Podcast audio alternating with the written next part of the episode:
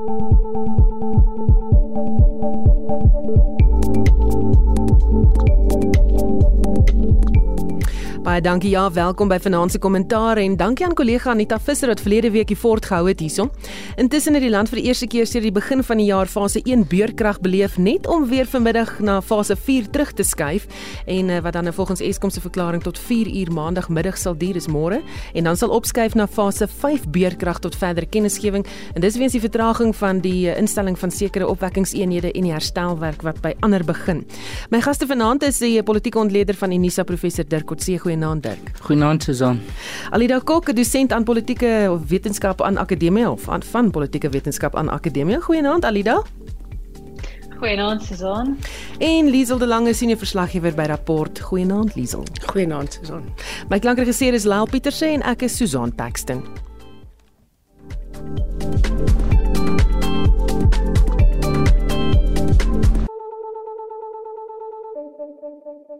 SAK nuus. Onafhanklik, onpartydig. 2 minute oor 8 jy luister na kommentaar en groot opskrifte in die koerante vanoggend oor die uitspraak van die waarnemende openbare beskermer advokaat Koleka Kaleka dat president Cyril Ramaphosa van blame onthef is oor die Palapala sage. Dis in die voorlopige verslag. Die kantoor het beweringe dat Ramaphosa die gedragskode vir die uitvoerende gesag oortree het deur hom bloot te stel aan enige risiko van 'n botsing van belange as ongegrond bevind. Nou jy daar by die huis kan saamgesel stuur 'n SMS na 45889 onthou SMS se kos R1.50 nou ek het vroeër die week met die belastingpraktisyn Johan van Logrenberg gepraat oor die ondersoek na gebeure by Palapala en hy het toe gesê die belangrikste vraagstuk hier vir hom is wat het president Ramaphosa te doen met die gebeure op Palapala indien enigiets. En eh, kom ons luister na uittreksel van hierdie onderhoud. Is mens met hierdie proses volg. Jy weet iemand het Suid-Afrika toe gekom op 'n vliegtuig. Nou ons het 'n naam. Dis iemand van een van die Arabiese lande. Daai persoon het 'n hoeveelheid van skynbaar 600 000 Amerikaanse dollar in sy tas gehad. Hy sê toe hy in Suid-Afrika aangekom het by OR Tambo Internasionaal, daai bedrag verklaar aan die inkomste diens se douanebeamptes voordat hy die land ingekom het. En hy sê dan hy het 'n stukkie papier of 'n dokument wat kan bewys dat hy dit verklaar het.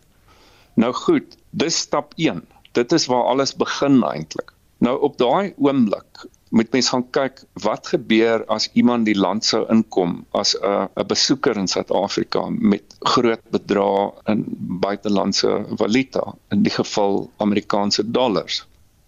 Wat die wet sê en die regulasies wat daarmee saamgelees moet word is dat geld is goedere en daarom moet dit verklaar word aan douane van die Suid-Afrikaanse Inkomste Diens En dan gewoonlik is daar bedrae wat hulle dan noem wat hulle sê as jy meer as dit sou inbring. So in die geval as jy Amerikaanse dollars in Suid-Afrika bring en die waarde is meer as 10000 Amerikaanse dollar, dan moet jy dit verklaar aan die inkomste diens.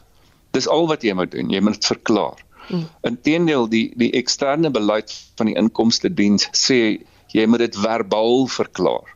So jy moet letterlik daar gaan staan by die douane kiosk of die gangetjies, jy moet een van hulle se aandag trek en jy moet vir daai persoon sê, hoorie ek het 600 000 Amerikaanse dollar in my tas, ek verklaar dit nou aan jou. Daar is geen belasting implikasie op daai stadium nie. Daar jy betaal nie 'n invoerbelasting nie, maar jy betaal ook nie BTW nie. Jy kan soveel Amerikaanse dollar in die land inbring as wat jy wil, solank jy dit verklaar Wat die amptenaar dan moet doen is die amptenaar het dan 'n diskresie. Hy of sy moet besluit hierdie klink nie vir my reg nie. Ek dink ek gaan so 'n tipe van 'n ondersoekie doen. Miskien gaan ek die geld vat en 'n kwitansie uitreik en dit by my hou en dan gaan ek 'n ondersoek doen om te kyk of hierdie geld nie dalk snaakse geld is nie. Hm. Nou dit weet ons het nie gebeur nie. Wat blyk te gebeur het is wat normaalweg gebeur as mense meer as 10000 Amerikaanse dollar in die land inbring en dit terloops gebeur daagliks letterlik. Dis nie iets snaaks nie. Die, die persone wat dit verklaar aan die douanebeampte kry dan 'n 'n vormpie dis 'n TRD1 wat ingevul word deur die douanebeampte wat basies bevestig dat die bedrag is verklaar. Dit hou dan rekord van die bedrag en dit is vir doeleindes van die Reserwebank se regulasies. Dit het niks te doen met douane of belasting. En dan stap die persoon nou in Suid-Afrika in met die bedrag in sy tas in kontant. Om om nou 'n belaglike voorbeeld te gee. Kom ons gestel daai persoon het net die Amerikaanse dollars aan hom en hy's nou nog in die gebou, hy's nog in die lughawe en hy wil dalk gou ietsie eet dan kan hy by 'n restaurant gaan sit en hy kan 'n hamburger en chips bestel en 'n koeldrank en 'n dollar betaal daarvoor want meeste van die besighede by die lughawe het lisensies om betaling te ontvang in ander valuta behalwe Suid-Afrikaanse rand. En dan sal hy klein geld kry en sy klein geld sal in Suid-Afrikaanse rand wees. Nou weet ons volgens die persoon is hy toe van die lughawe af Sun City toe met die klomp geld in sy sak. Dieselfde geld in Sun City. Hy sê nou daar aangekom het en ek dink sy vrou was daar en dit was sy vrou se verjaarsdag en daar was waarskynlik ander mense so hy het nou sosiaal verkeer en en hy was waarskynlik deel van die partytjie en wie weet wat. En dan weet ons dat hy sit toe die volgende oggend en ontbyt eet en hy hoor by iemand volgens hom van hierdie plaas daar naby wat hierdie diere verkoop. Hy sê hy wou nog altyd van hierdie diere gehad het in Dubai en hy besluit hy gaan iemand kry om soontoe te vat en hy gaan toe soontoe en is daar waar hy toe die bestuurder ontmoet van die plaas en die bestuurder wys die vir hom die diere en hulle kom toe ooreen op op 'n bedrag en hy maak die betaling aan die plaas deur die geld vir die bestuurder te gee en die bestuurder gee toe vir hom 'n tipe van 'n kwitansie wat basies sê ek ek ontvang soveel in Amerikaanse dollars by jou. Nou op daai stadium het die transaksie nog nie voltooi nie want hy het nog nie sy diere gekry nie.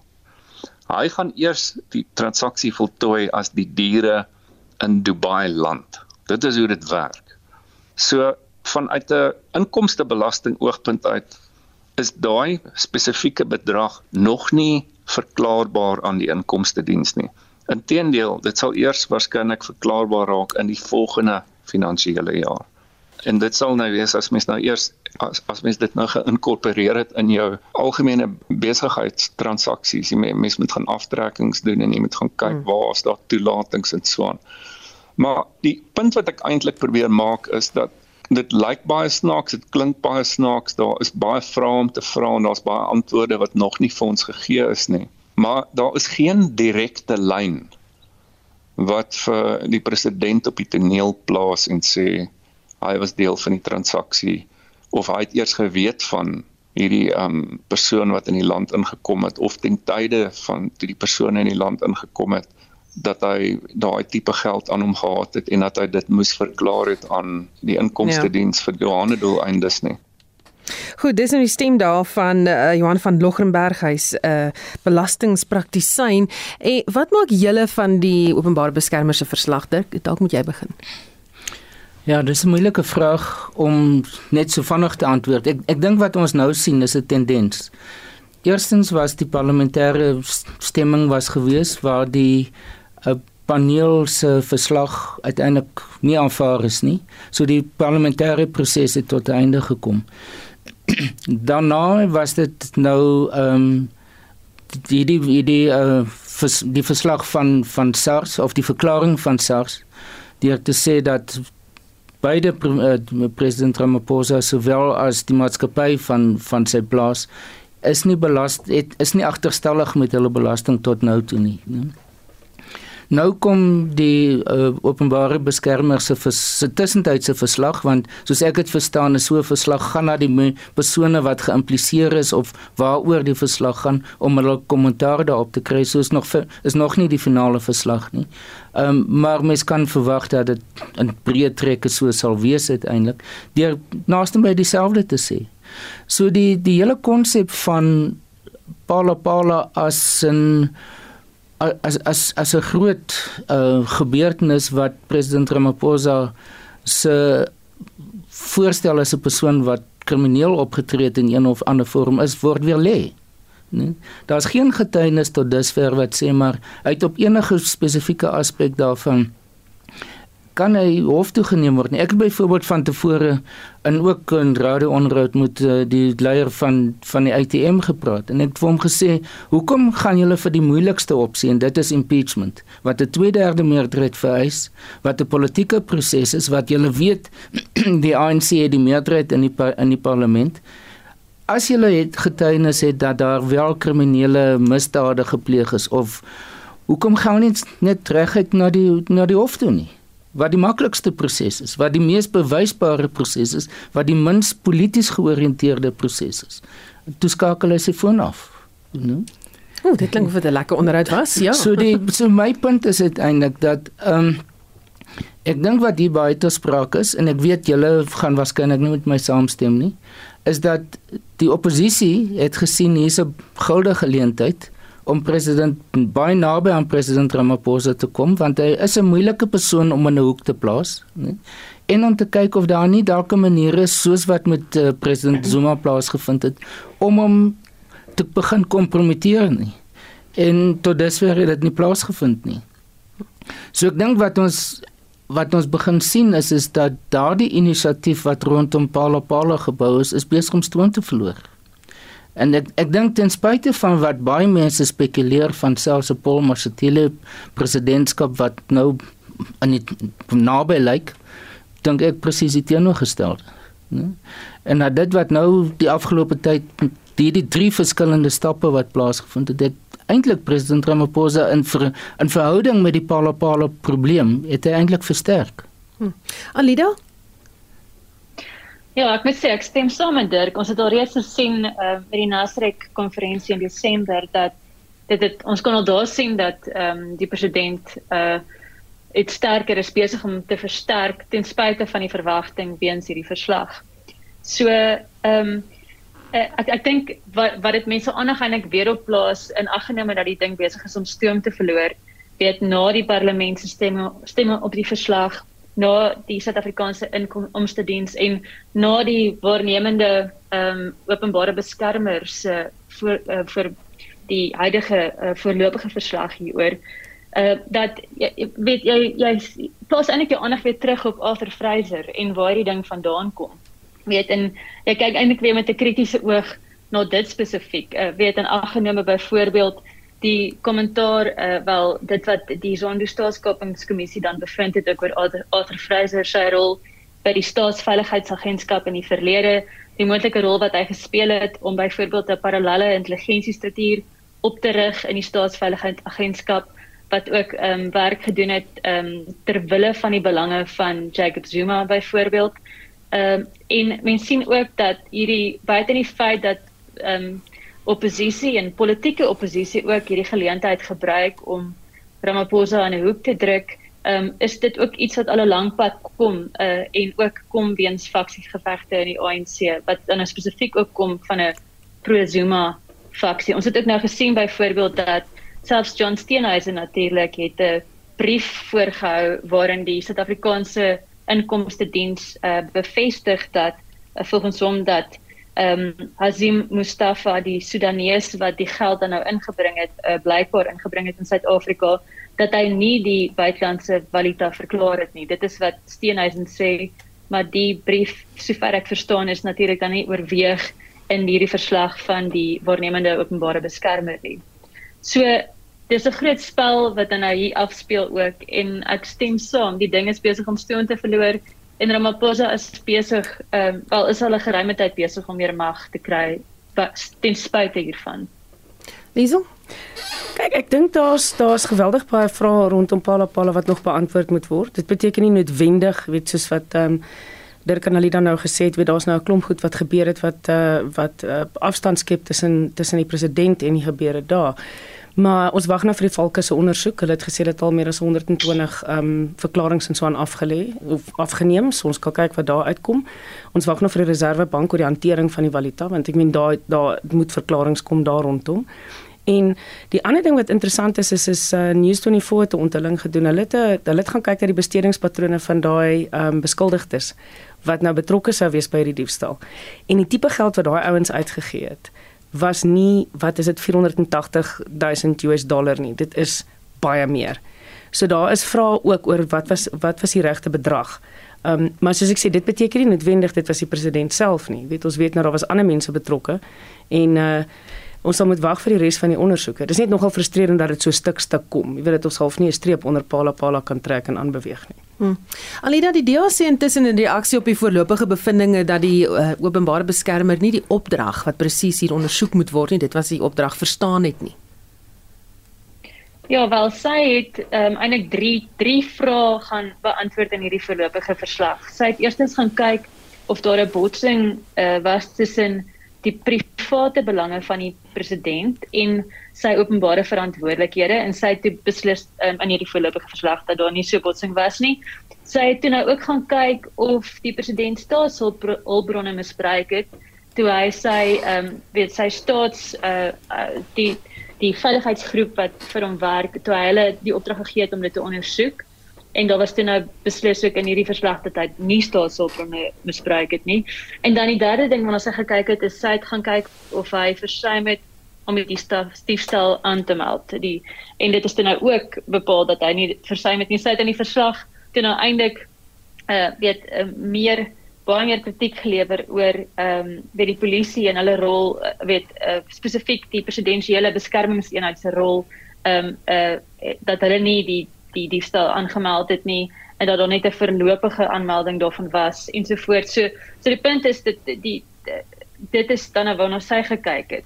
Maar die die belangrikste vraag wat dan nou nie aandag ontvang het in hierdie voorlopige verslag nie is eerstens natuurlik is daar aan die belastingverpligtinge en reëls oor die hantering van buitelandse valuta voldoen.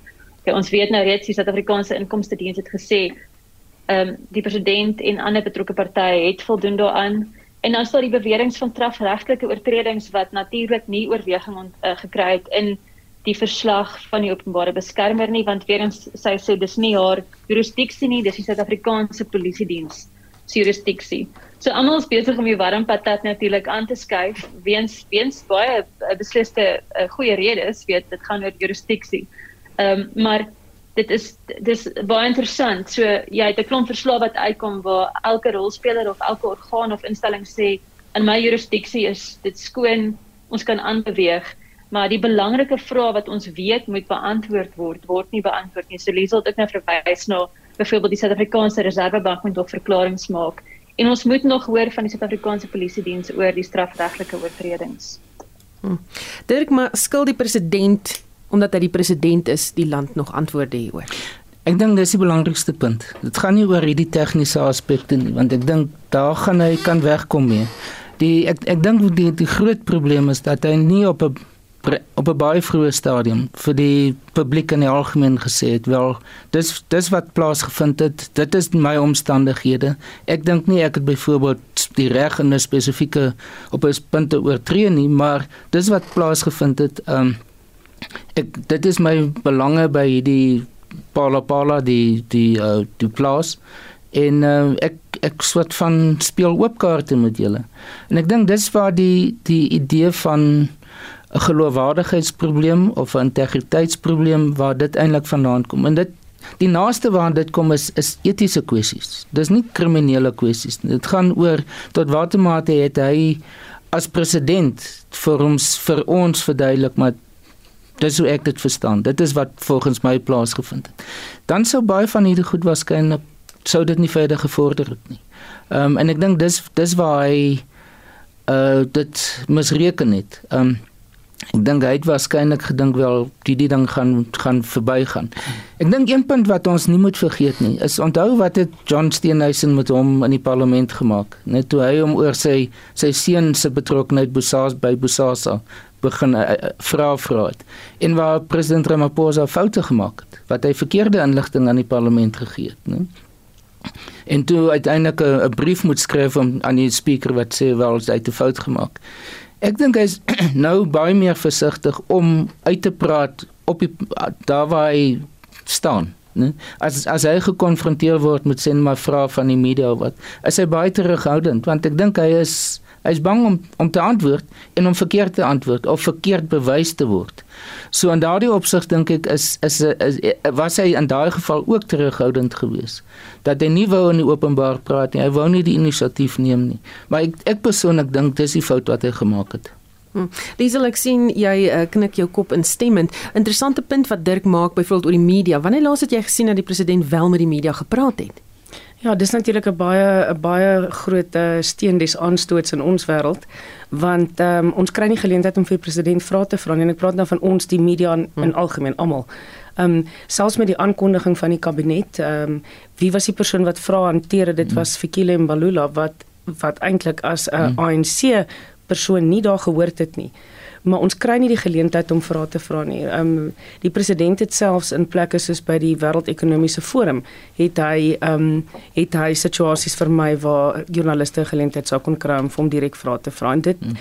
dis baie frustrerend. En dit dis ook dit maak mense verdag as hulle nie die kans mm. kry want ek is seker daar's antwoorde vir klomp van die goed. Dis net jammer hy gee hulle nie vir ons nie hmm, en gee ons 'n kans om om dit te vra nie. Hmm. Maar jy het daarna verwys maandag aankondig die president toe sy kabinetskommeling aan en die nasie sig nie 'n verligting of van verligting nie, maar kla net harder oor sy keuses. Die Daily Maverick skryf vandag uh, vra die vraag het die nuwe minister van energie die oomf wat nodig is om die kragkrisis op te los en dan is daar ook 'n groot fokus op die adjunk president Paul Mashatile.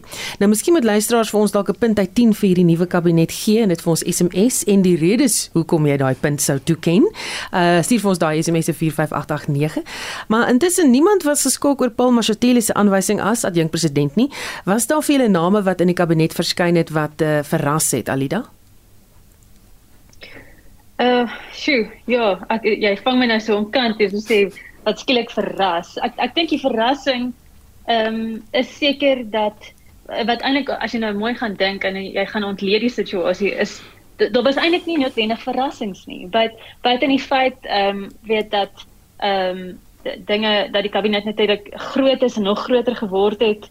Ehm um, maar ek kyk hier gaan dit tog oor meer stabiliteit. So buite die feit dat daar 'n paar skuwe en aanstellings gemaak is, ehm um, het, het ons gesien byvoorbeeld dat ehm um, daar was eerder 'n neiging of 'n benadering van die president se kant af om adjunk ministers byvoorbeeld te skuif na die rol van 'n uh, minister. Ehm um, uh daar was twee sulke gevalle, dit's ook 'n klem op jong adjunkministers wat geskuif is. Uh ook in as mens in gedagte hou natuurlik dat die 2024 verkiesing is om die draai en om nou 'n klomp nuwe skuwe te maak, gaan nie genoeg tyd laat vir nuwe ministers om byvoorbeeld um te kan vordering maak in portefeuilles nie. Want uh, die belangrikste in hierdie stadium vir die president en wel vir sy vir sy rol in die ANC is om om 'n mandaat van kiesers te kry in 2024. Hy het reeds sy politieke mandaat by Nasrek gekry en sy steun in die nasionale uitvoerende komitee is groot en stewig daar op die oomblik. So dit gaan oor om 'n mandaat van kiesers te kry. So skuwe wat gemaak is, ehm um, uh ministers wat in hulle posisies gehou is, ehm um, uh is dan nou met die oog op 2024 en kyk eintlik maar nou ook na na wat in die ANC aangaan. Miskien is 'n verrassing as ek nou so moet dink uh, is die skuif van Nkosazana Dlamini Zuma na die portefeulje in die president se kantoor vir vroue, ehm um, die jeug en mense met gestremthede. Ek meen mense verwag het na wat gebeur het dat Nkosazana Dlamini Zuma eerder uitgelaat sou word in die kabinet. Ehm um, maar dan as jy dan nou verder die ding gaan ontleed, besef jy ook dat dit is belangrik om haar in daai so sy's afgegradeer na daai portefeulje. Ons weet dat dit is gewoonlik 'n tipe portefeulje in die periferie. Dit is simboliese afgradering.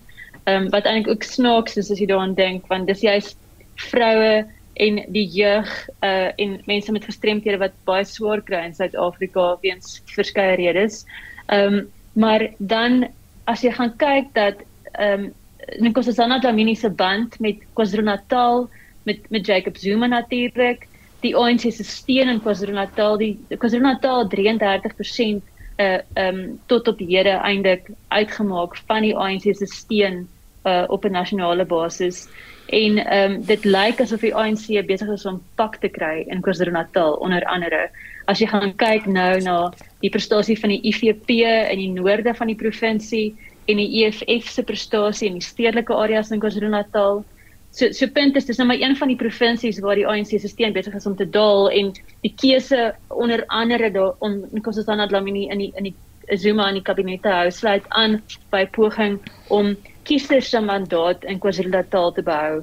Um ander rolspelers wat in die in die um kabinet uh, ingesluit is is byvoorbeeld uh, minister Sihle Zikalala, hy is minister vir openbare werke um en infrastruktuur en dan natuurlik Bekkie Cele ook wat ook daai bande met KwaZulu-Natal het. So dis hmm. daar wat jy kan uitbrei. Die die president is besig om voor te berei vir 2024 se verkiesings. Liesel Kusi van die Baai sê hy gee dit net 1 uit 10 punte vir die president wat opgedaag het en probeer het om die nuwe kabinet bymekaar te sit. Jou reaksie op hierdie nuwe Ek moet sê ek dink die nuwe kabinet is 'n geweldige teleurstelling. Ehm um, ek uh, ek weet nie of hy voorberei vir die verkiesing nie. Ek dink hy is weer eens besig om die party bo die land te stel. Um, ons het ek meen iemand soos Bekkie Kelly die misdaadsyfers is iets allerverskrikliks. Ons sit nou met omtrent 80 moorde 'n dag. Ons het 160 gevalle van seksuele misdrywe, meer as 400 gevalle van gewapende gewelddadige roof per dag in die land. Die syfers raak al hoe erger en dan kom Ramaphosa na die tyd en hy sê hy het volle vertroue in Bekkie Kelly dat hy misdaad gaan hoekslaan. Nou, jy kan met enige Suid-Afrikaner praat letterlik op enige plek nou en hulle gaan vir jou sê dit is bloot weet ons is al moedeloos met met hom spesifiek. So jy sit daar in Kosazana ja kyk daar is natuurlik die die Swane sang uh, departement want dit is byvoorbeeld Batabile Dlamini se laaste ehm um, se laaste portefeulje ook gewees. Maar uh, soos Alida ook genoem het, weet sy het baie steen. Sy het 'n steenbasis. Dit was baie makliker om ontslae te raak van Lindiwe Sisulu wat ook, jy weet, openlik die president um, in die verleentheid gestel het en hom soos die Engelse sou sê defied. Hm, maar ja teëgegaan het, maar wat duidelik was byvoorbeeld by die ANC by Nasrek, sy kon nie eers van die vloer af genoeg steun kry om 'n nominasie te kry om om vir 'n posisie te staan vir die top 6 nie. So dit was baie duidelik dat sy is maklik om van ontslae te raak. Maar jy weet jou ander probleem ook is nou het ons vier portefeuilles wat na elektrisiteit moet kyk en hy het weer daai ding gedoen van hy skuif mense rond nadat jy weer 'n minister het, jong minister vir ehm um, vir infrastruktuur in die presidentskap, maar jy het 'n minister van openbare werke. Hoekom op dese aarde het jy al twee daai nodig? So al wat jy doen is jy sit al hoe meer mense in, al hoe meer mense moet goed afteken en dit raak al hoe moeiliker om enigiets te implementeer. Dirk Ja, daar daar's verskillende aspekte van die kabinet wat vir my opvallend was. Die eerste een is dat hy meer mense van buite gebring ingebring het as met enige van sy vorige 3 uh samestellings van die kabinet in beginnende in 2018 en nou die laaste een in Augustus 2021.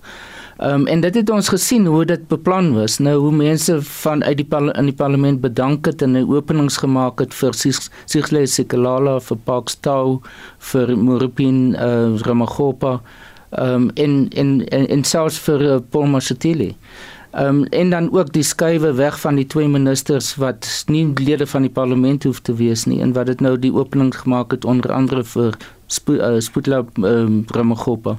So in daardie opsig is daar 'n bietjie nuwe bloed. Ek dink dis mense dis maar dis nog steeds bekend is. Dit is persone wat in provinsiale vlak of plaaslike vlak reeds ehm um, hulle merk gemaak het. Maar so dit, dit dink ek voor sal ek voor vir hom punte gee. Laat hy nie net binne die geleedere van die parlement gekyk het nie want dis duidelik sy opsies in die parlement het hy uitgeput. Daar was nie meer veel oor daar gewees nie. Ehm um, wat ek dink wat vir my belangrik is is die skeiding wat gemaak is tussen minerale sake en energie. Ehm um, dit skep die nuwe geleenthede vir die minister goed Ramagopa nou um, om uitnet te konsentreer op op elektrisiteitssake. Ek probeer dit so verduidelik vir mense om dit te te, te kan verduidelik hoekom dink hulle dit was nie 'n goeie idee nie. In een persoon, Gwede Montasha se se gemoed, se denke, moet hy beide na die hele mynbedryf kyk wat op sigself amper twee ministers vereis, né? Dis een van ons grootste ekonomiese sektore nou in die land. Miskien nie verlang nie, maar op die oomblik is dit hoogs belangrik. En aan die ander kant die grootste kopseer in ons samelewing, Eskom. Hoe kan een minister dit alles hanteer en nog daarmee suksesvol wees? Dis dis eintlik net fisies onmoontlik? So wat wat nou wat ek dink ideologies gesproke wat dit nou die die gaping oopmaak is om die die intense kompetisie wat daar in die privaat sektor, nie in die regering, in die privaat sektor bestaan tussen die hernubare energie sektor, nou besighede wat besig is om in te beweeg binnelands en buitelands en die mynbedryf, né? En dit is 'n geveg tot die einde. Ek meen ons besef nie hoe intens dit is nie, né? Oor groot belange. Dat da, dit was tot nou toe in in die gemoed van een persoon moes daaroor besluit. Nou ten minste kan daar is daar meer 'n uh, soort van 'n stem wat kan uitkom vir hernubare energie vir kernenergie as dit nodig is, hidroelektriese energie en ander, né? So in daardie opsig dink ek ja, dit moet bewys word dat die stelsel gaan werk, maar op papier organisatories gesproke, dink ek is dit 'n beter skuif as wat ons van tevore gehad het. Ja. Terwyl in die woord is Paul Mashatile het vroeër daarna verwys en dat uh jy weet hy is dalk nou die nuwe president vinniger as wat ons dalk dink, spekuleer 'n klomp mense. Maar wie sê wat moet ons van hom weet is daar geraamtes in sy kas? Ek weet nie van geraamtes nie, almal het geraamtes, maar ehm um, um, ek dink Paul Mashatile eerstens kom van Alexandra af. Dit definieer hom. Dit sy identiteit, politieke identiteit. Hy is Alex, van Alexandra en dit gaan terug na die UDF toe. So hy is eerstens hy's nie deel van die Exals nie. Hy's nie deel van die ANC geleedere nie. Hy's in 'n groter mate pas hy by die Ramaphosa tradisie binne die ANC aan as die as die Zumas of as die Mbekis of of die ander die Lindiwe se Zulus en en en so. So dit dit plaas hom in 'n ek sou sê 'n ander kategorie wat 'n soort van 'n verlengstuk van president Ramaphosa is. Maar polities gesproke, selfs terwyl hy in die UDF was, het hy hom nooit aan verskillende groeperings gekoppel nie. Was altyd onafhanklik hier in die middel rond gewees. En dit doen hy nog steeds. En ek dink dit het ons by Nasre ook gesien. Hy, hy het hom nie een van die twee hooffigure, Zweli Mkhize of Ramaphosa was ten gunste vir hom gewees nie. So dit dink ek is maak die mense ehm uh, dat hulle nie presies weet wat hulle in hom het as 'n politieke figuur nie. Dit lyk asof hy sy steenbasis Gauteng is en nie die res van die land nog nie. Wat aan die een kant goed is vir hom want Gauteng is 'n groot politieke provinsie, maar aan die ander kant maak dit hom weerloos in verhouding met byvoorbeeld sien maar uh, KwaZulu-Natal met Limpopo en ander provinsies. So vir die as hy president uiteindelik wil word, gaan hy deel wat aandag daaraan moet gee.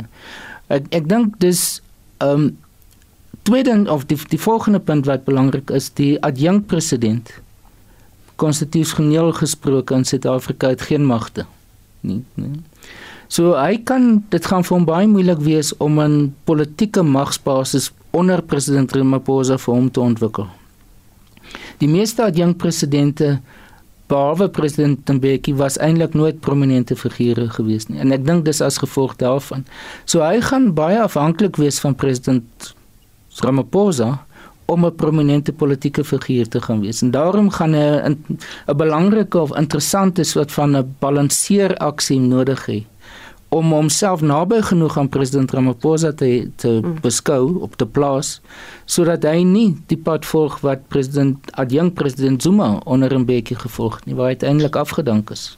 Hier is 'n luisteraar Adrian Smits wat vir my e-pos gestuur het en gesê het hy uh, wil weet is daar is hierdie gerugte dat uh, Julius Malema en Paul Mashatile het 'n baie goeie verhouding en wat is die implikasies wat dit gaan inhou?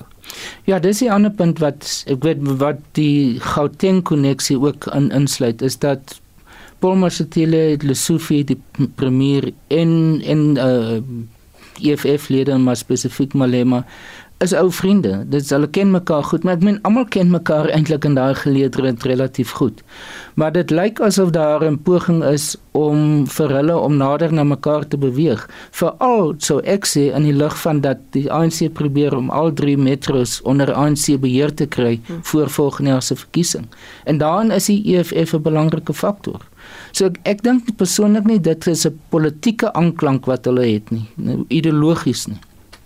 Daarvoor het ons gesien in die parlement. Hulle kon nie saamstem oor die verandering die amendering van die grondwet met betrekking tot die ehm um, onteiening van grond nie. So ideologies is hulle nie naby mekaar nie. Prakties miskien nou vir korttermyn redes, maar ek ek sal baie verbaas wees as daar 'n uh, Paul Mashatile Julius Malema presidentskap presidentsie tot stand gaan kom. Hmm. Ek sien dit nie. Uh, dan sê die DA daar moet 'n toesigkomitee wees vir die minister van elektrisiteit. Daar's al 4 ministers in die presidentskap wat nie aan die parlement verslag hoef te doen nie. Maak so 'n voorstel sin Liesel. Ehm um, ek wil net vinnig ietsie sê van oor oor Dirk, skus want dit is so groot debat op die oomblik of mm. weet daai daai uh vrees wat mense kon sê sê dat die EFF en die ANC sou saamwerk. En ek dink iets wat ons ook in gedagte moet hou is daar's baie sterk aanduidings dat president Ramaphosa glad nie ten gunste is van samewerking met die EFF nie. En dat daar ook groot ontevredenheid was ehm um, uit die presidentskap en uit daai senior ANC geleedere met van die gebeure in ehm um, in Gauteng. Daar was byvoorbeeld 'n groot bekleierery oor die een Ekurhuleni stem van ehm um, uh, mosie van wantroue wat ingedien is. So ek dink dis ook iets wat mense gedagte moet hou, is dat Ramaphosa is nie en die mense rondom hom is nie ten gunste daarvan om saam met die EFF te werk nie. Hmm. Goed, jy dan net die vrae geantwoord oor die uh, oorsigkomitee nie. Alida, miskien wil jy jou hand daar waag. ja, ek dink dit is baie belangrik. Ek, ek wil juist ek, ek ek wil juist uh, sê dat uh, dis deel van 'n kommerwekkende benadering van die president uh, se kantoor af of van die president af om om hierdie magte te sentraliseer.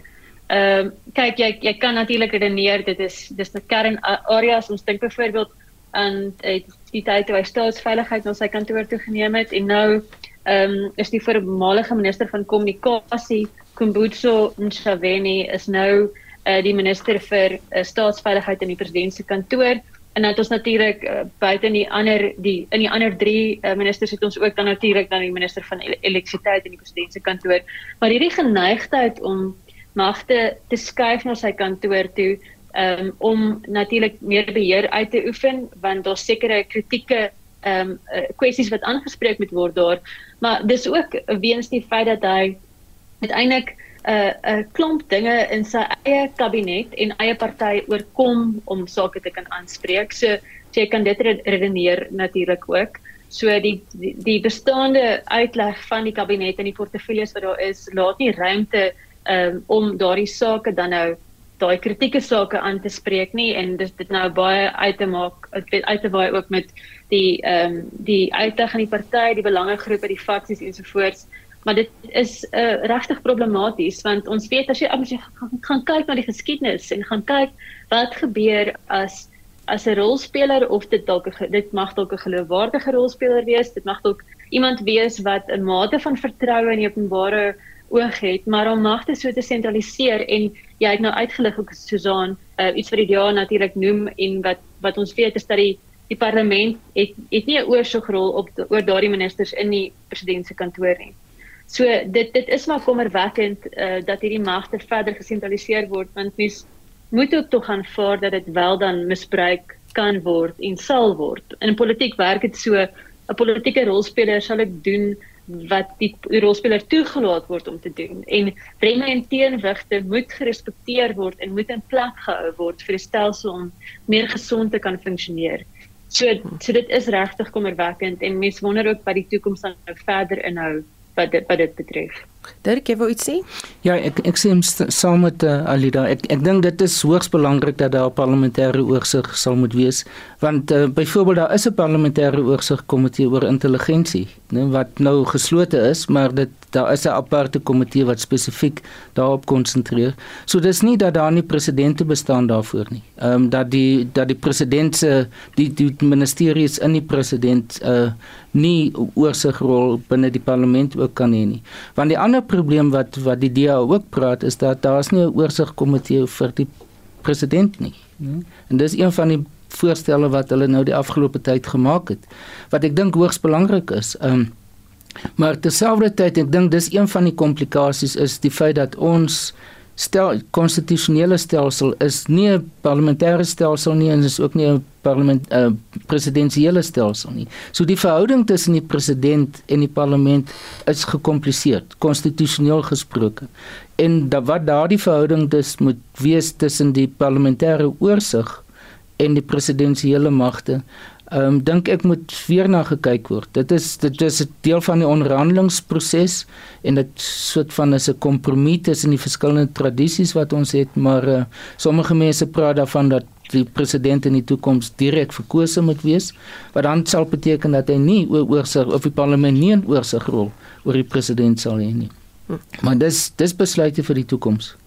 Ons sê nou ons gaan 'n bietjie later uh, ek hooplik weer met julle gesels in die ateljee as die besluite gebeur. Maar intussen uh, gaan ons uh, net gou-gou wegbreek, advertensiebreek neem en dan gesels ons daarna 'n bietjie oor die nou staking en wat alles nog die week gebeur het. SAK nuus. Onafhanklik onpartydig. 19 minute voor 9 jy luister na kommentaar my gaste vanaand professor Dirk Coetzee, Alida Kok en Liesel de Lange wat saamgesels en uh, die afgelope week het die vakbond nou gestaak. Mense is begroet met prentjies oral van mense wat voor hospitale dan nou staak. Verder ontstellende nuus oor ambulanses wat aangeval word wat 'n kind wat kritiek uh, was hospitaal toe wou vat, mense wat dood is, dokters en personeel wat nie aan die staking deelneem nie wat aangeval en rondgeruk en geïntimideer word. Selfs 'n suster vakbond, SADU wat sê nou is nie meer 'n suster vakbond nie, maar 'n gevaar nadat die stakende lede 'n funksie van SADU ontwrig het en lede gedreig het wat nie aan die staking deelgeneem het nie. Liesel, wat maak jy van al die gebeure in die optrede van NHO lede? Jogg, dit is baie problematies, né, want ons praat hier van 'n basiese 'n baie belangrike basiese diens. En ons het nou 'n klomp daar's uh, in die koerante deur die deur die, loop van die week of wel eintlik in al die media griefverhale gewees van wat by die hospitale aangaan. Daar's byvoorbeeld Daily Maverick het vandag foto's gepubliseer van 'n dokter wat ehm um, wat hulle fisies rondgepluk het en hmm. oor 'n tafel getrek het in Bosbokrand nou. Bosbokrand is is klaar 'n moeilike omgewing om in te werk. Jy weet, so die dokters wat so wat weet wat daar diens doen en die verpleegsters en almal, jy weet, ehm um, werk klaar vir die passie. En uh dis baie ontstellend om te sien dat hierdie ouens dit doen. Dis baie erg dat hulle daarmee wegkom. Die die NABO leierskap, ek meen die minister minister Paaslat nou verlede week gesê hulle gaan streng optree, maar die NABO leierskap het vandag aangedui dat hulle hulle hulle optrede gaan versterk in die week wat kom. En daar is beslis daar's griefverhale reeds daar buite. Ons weet van babas wat dood is omdat daar nie susters was wat kon help nie. Ons weet van daar's uh, verskeie stories van pasiënte wat dood in Lebedens aangetref is in van die hospitale en plekke soos Bellenaumi en Bloemfontein. Ons weet nou nie of dit die, die oorsaak van dood is nie noodwendig die staking nie, maar die feit bly staan daar's nie personeel om daar te help nie. En weet dis dis onwettig om te keer dat mense gesondheidsdienste kan kry en ons geweldige probleme met intimidasie. So en en die ander probleem is ons weet ook die staat het nie geld om 'n 10% verhoging te gee nie. Die implikasies daarvan sou hulle toegee is ook verrykend. Hmm. Alida die leierskap van nou het konstant die afgelope week ontken dat dit hulle lede is wat dit doen en selfs Kusato het dit weggepraat en gesê maar hier is 'n groter kwessie en dit is dat hulle lede behoorlike salarisverhogings moet kry. Wat is die rol van vakbonde nog in die samelewing? Sjoe, ehm um, miskien Susan voor ek op daai vraag reageer, wil ek eintlik aansluit. Ehm um, want ons iets wat ek dink gesê moet word. Ek, ek meen ons kan natuurlik nou harde ontledings van hierdie saak doen en dit is baie belangrik en nodig. Maar daar's iets anders wat gesê moet word dat daar's iets in die morele vesel van ons samelewing wat baie verkeerd en verwronge is. Daar's 'n tipe geestelike krisis.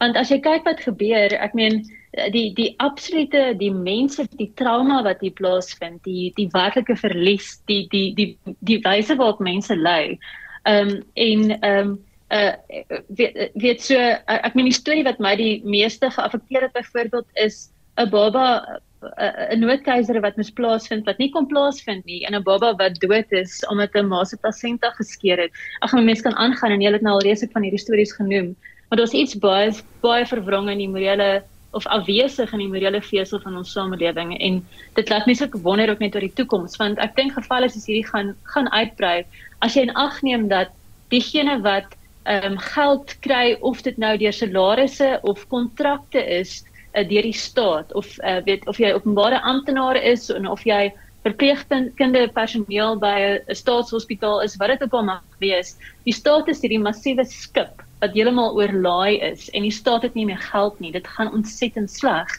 En ehm um, so daar is nie meer geld vir hierdie drastiese verhogings nie.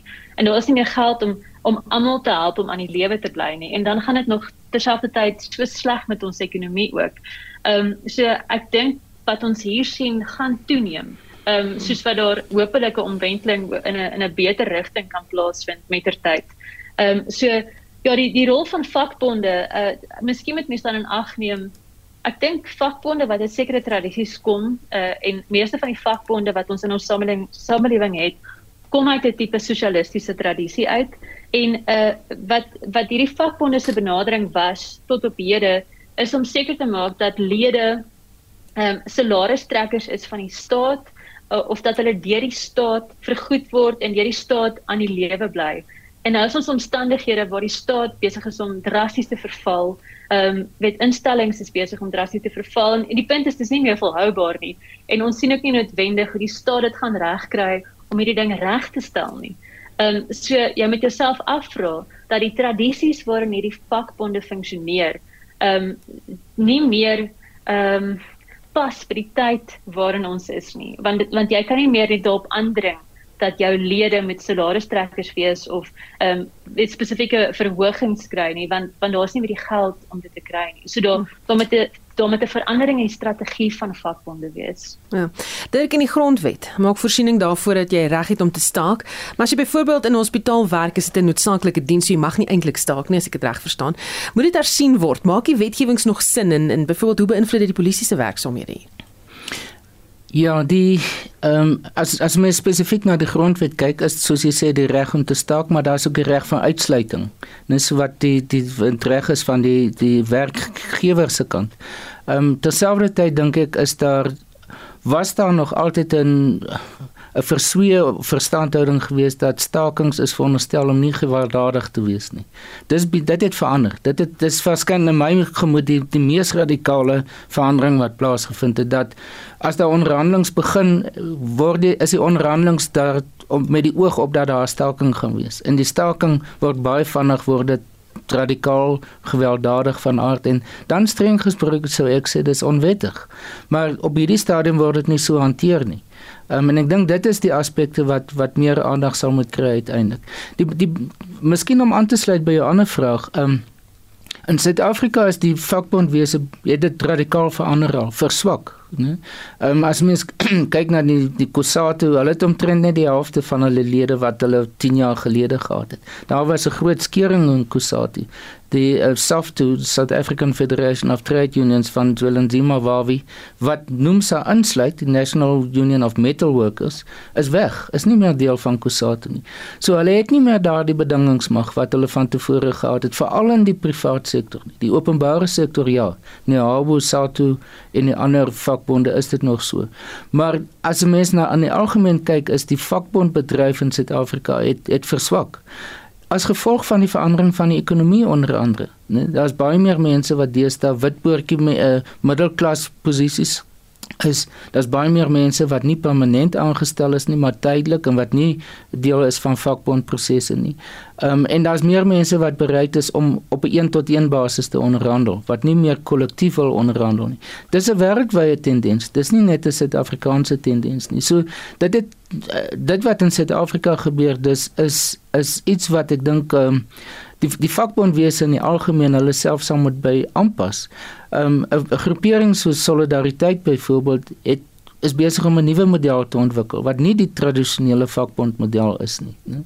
Um, en ek dink dit is die tipe beweging wat gaan nodig wees um, vir vakbonde om hulle self nog te kan beskerm in die toekoms. Hm. Goed, uh, tyd hardloop vinnig uit nog net 10 minute oor kan jy glo. Maar ons moet praat oor wat in die Tshwane Metro gebeur het in Pretoria die afgelope week. En dis ek sien jy begin sommer lag. Uh, wat maak jy van al hierdie gebeure week na die verkiesings? Is die eerste burger van die Tshwane Metro in Pretoria is Marunwa Makwarela uit sy posisie verwyder omdat hy nie kon bewys dat hy nie gesekwestreer is nie. Toe handig hy dokumente in wat glo bewys die saak is opgelos net vir die registrateur van hierdie Hooggeregshof om kort daarna te laat weet. Mm, is nie ons dokument nie, ons is glad nie iets wat ons sou gesê het nie. Wat maak jy van al hierdie dinge?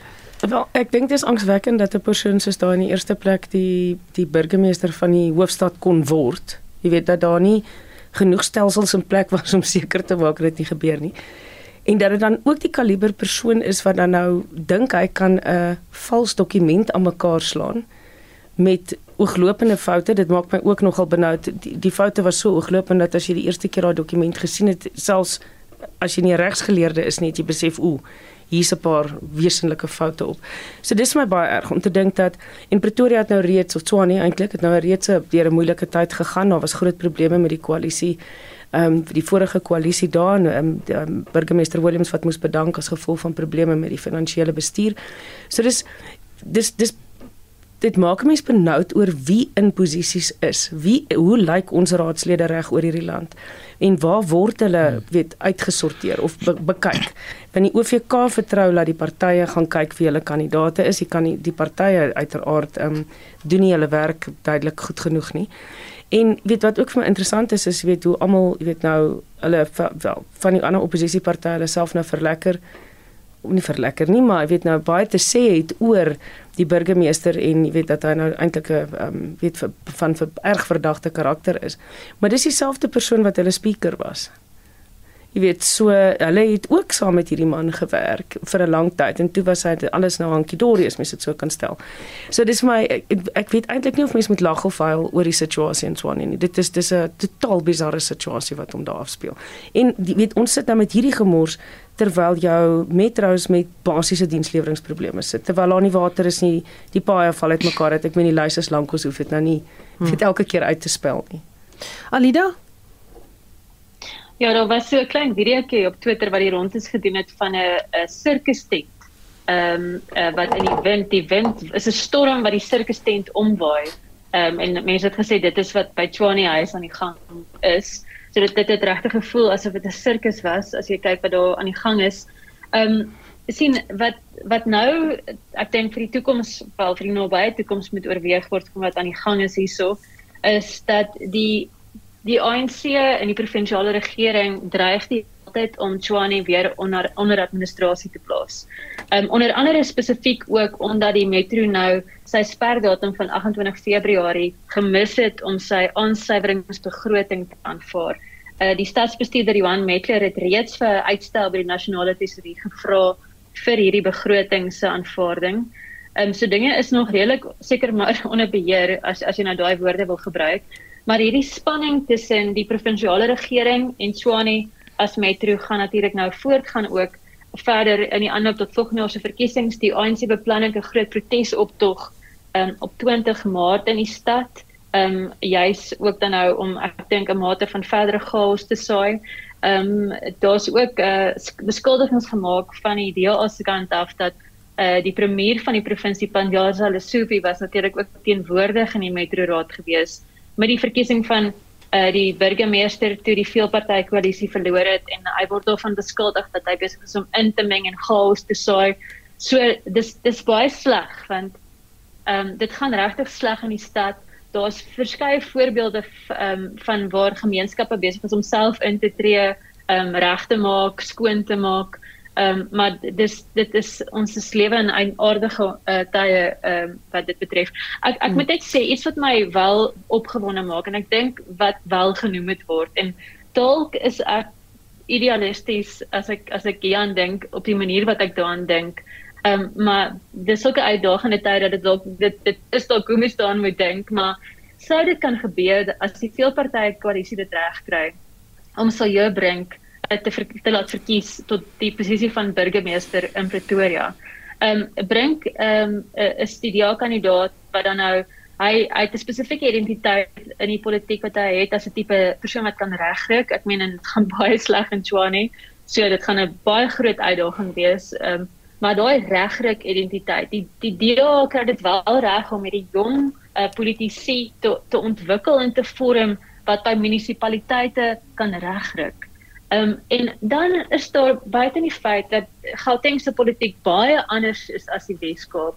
Moet mense ook in gedagte hou dat daar iets in die Weskaap se model is, die die benadering van die DA in die Weskaap wat wat ook dalk tot 'n mate kan werk met mettertyd in die toekoms in Gauteng.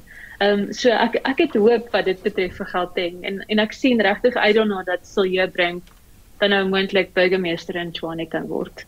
Dirk Ja, soos ek verstaan met hulle môre die is môre die verkiesing. Ehm um, so ek dink terwyl ons nou praat is hulle aan die kokes. Ehm um, wat ek dink wat hier gebeur het na my mening is Cope is uitgewys as 'n baie opportunistiese party hier in Johannesburg ook met die speaker, nou Colleen Makubela wat op dieselfde manier speaker geword het wat weggestap het weg ehm um, sonder dat daar enigsins besluite geneem is daaroor in die koalisie. Ek dink wat nou gebeur het is is dat met hierdie laaste skuwe dat daar's daar's 'n baie goeie kans dat die DA kan terugkom in die regering nou. Want doorswaarskynlik sal Cope terugkom met nou met 'n ander verteenwoordiger en sal weer deel word van daai groep en dan die 6 of 7 lede van of die DA of Action SA of beide van hulle, hulle sal waarskynlik nou weet, hulle hulle daar om hierdie tipe van speletjies te speel is verby. So dit beteken dat die daardie koalisie gaan 'n meerderheid van 108 of 109 lede hê wat genoeg is um, om eerstens die speaker te kies want dit gaan die eerste stap wees. En dit gaan nie toets wees as môre die DA geleide of, of gedryfde groepering die spreker kan kies, dan is dit omtrent outomaties dat die uh, burgemeester ook gekies kan word. So in daardie opsig ja, dit het baie slordig en de mekaar en morsig en so aangelyk, maar uiteindelik die, die groot verloorders is die ANC en die ANC groepering, want dit die Dit is duidelik dat die hoofdoel van hulle was van uh, Lesofie en anders. Hulle wil al drie metros beheer voor volgende jaar se verkiesing en met daardie idee na die kiesers toe kan gaan. As dit of dit oneties of eties gedoen is, dit maak nie saak nie. Hm. Goed, voor ons dan groet eh, Dirk en terwyl jy aan die woord is, grootskaalse betogings in Israel aan die gang. Dis teen die regering en dit die week nou sake heeltemal daar ontwrig. Uh, sekere nuuskanale beskryf dit as van die grootste betogings in die gebied ooit. Net wat maak jy van wat daar gebeur? Dit gaan primêr oor die die gesag, die rol van die van hulle hoogste hof, die Hooggeregshof daar wat dieselfde is as ons grondwetlike hof, die hoogste hof en ehm um, die premier Netanyahu wat baie bekend is dink ek by almal. Hy wil probeer om groter politieke beheer oor die regstelsel te kry. Hy wil by, wil byvoorbeeld hê dat die proses waar die regters aangestel word baie soos wat ons sin is wat deur die regtelike dienskommissie, ek weet nie wat hulle hulle ene noem nie, maar dat dit dieselfde tipe samestelling dat dit verander moet word en dat die, die regering die die regters moet aanstel. Nog 'n punt wat hulle wil hê is is dat die die howe nie uh uitvoerende optrede deur die regering moet kan tersyde stel nie. So dit raak baie eensaidig, baie uitvoerend gedomeineer terwyl die regspraak in 'n groot mate afgewater kan word. Daar is blykbaar oor die 100 000 mense wat aan betogings in Tel Aviv en ander plekke deelneem. So dit is duidelik iets wat 'n nasionale vraagstuk is. Ehm um, en wat eintlik ongekend vir Israel is. Hmm.